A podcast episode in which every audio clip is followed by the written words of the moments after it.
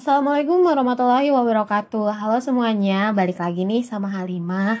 Kali ini saya akan memberikan informasi terkait materi obligasi daerah. Nah, salah satu sumber pembiayaan yang menarik untuk dikembangkan terkait dengan pemerintah daerah adalah mengenai penerbitan obligasi daerah untuk membiayai pembangunan infrastruktur daerah.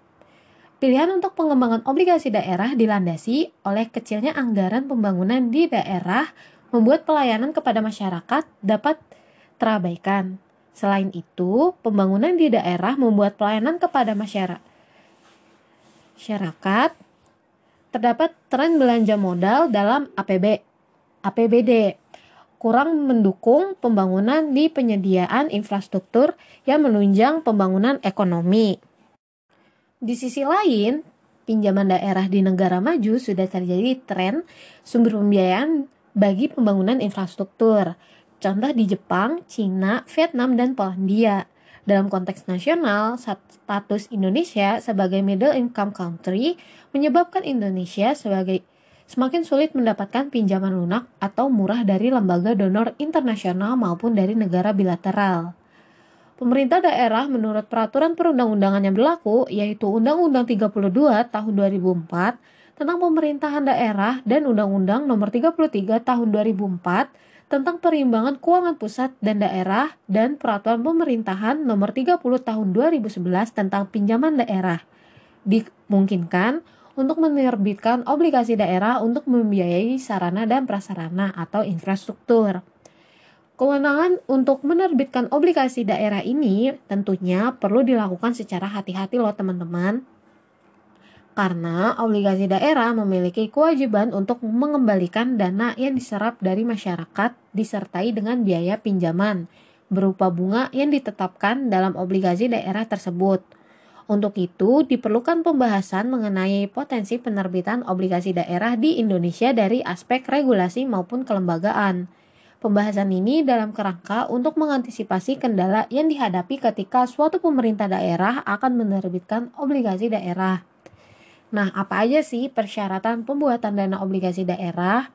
Itu yang pertama, mendapatkan persetujuan prinsip dari DPRD yang meliputi ada persetujuan atas nilai bersih maksimal obligasi daerah yang akan diterbitkan pada saat penetapan APBD, lalu kesediaan pembayaran pokok dan bunga sebagai akibat penerbitan obligasi daerah, serta kesediaan pembayaran segala biaya yang timbul dari penerbitan obligasi daerah.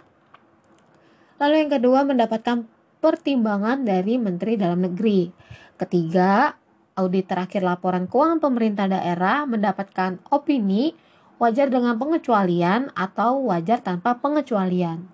Lalu keempat, jumlah sisa pinjam daerah yang ditambah jumlah pinjaman yang akan ditarik tidak melebihi 75% dari jumlah penerima umum APBD tahun sebelumnya.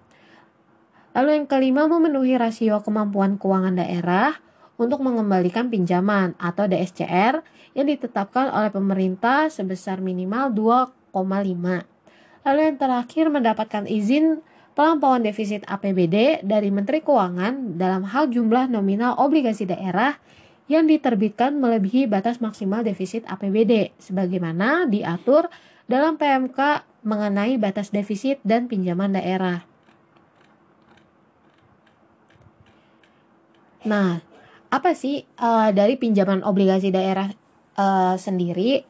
Dalam peraturan pemerintah nomor 30 tahun 2011 tentang pinjaman daerah disebutkan bahwa obligasi daerah merupakan efek yang diterbitkan oleh pemerintah daerah dan tidak dijamin oleh pemerintah pusat.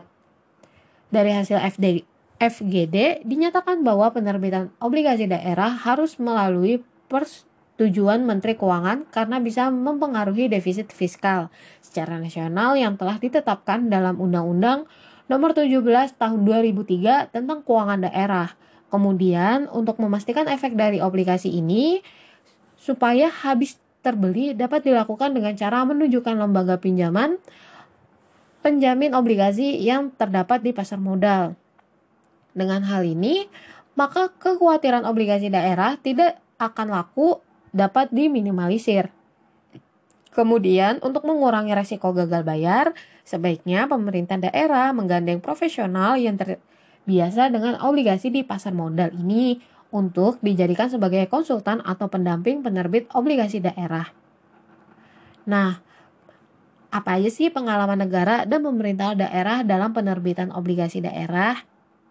Nah, Contoh kasusnya itu, provinsi pertama di Indonesia yang sudah melakukan perencanaan penerbitan obligasi daerah itu ada DKI Jakarta. Penerbitan obligasi daerah di Indonesia diawali pada tahun 2008 melalui inisiatif Menteri Keuangan untuk mempercepat pembangunan infrastruktur daerah melalui pembiayaan alternatif. Salah satu instrumen yang berpotensi dikembangkan adalah obligasi daerah melalui mekanisme pasar modal. Pemerintah DKI Jakarta menyiapkan proyek-proyek yang berpotensi dibiayai melalui obligasi daerah. Nilai total proyek tersebut adalah 1,7 triliun rupiah, meliputi pembangunan terminal Pulau Gebang, pembangunan rumah susun tanah pasir, perbaikan fasilitas waste treatment plant Setiabudi atau Kasablanka, dan pembangunan rumah sakit Pasar Bo. Setelah itu, sarana dan prasarana melakukan financial management assessment dan rating untuk pemerintah Provinsi DKI Jakarta. Ranting ini kemudian dilanjutkan oleh Pevindo pada tahun 2012 dengan hasil IDAA+. Untuk mengelola setiap kegiatan yang berhubungan dengan obligasi daerah, pemerintah Provinsi DKI Jakarta menyiapkan pengelola keuangan atau Departemen Manajemen Unit untuk mengelola obligasi daerah dengan menunjukkan underwriter, konsultan hukum, dan profesi penunjang lainnya untuk registrasi obligasi daerah ke Bapem, Bapepam.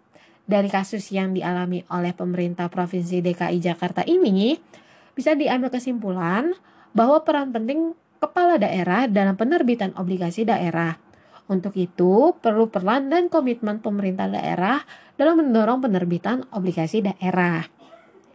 Mungkin segitu saja uh, materi yang dapat saya sampaikan. Kurang lebihnya mohon maaf. Sampai bertemu di episode selanjutnya. Wassalamualaikum warahmatullahi wabarakatuh. Dadah.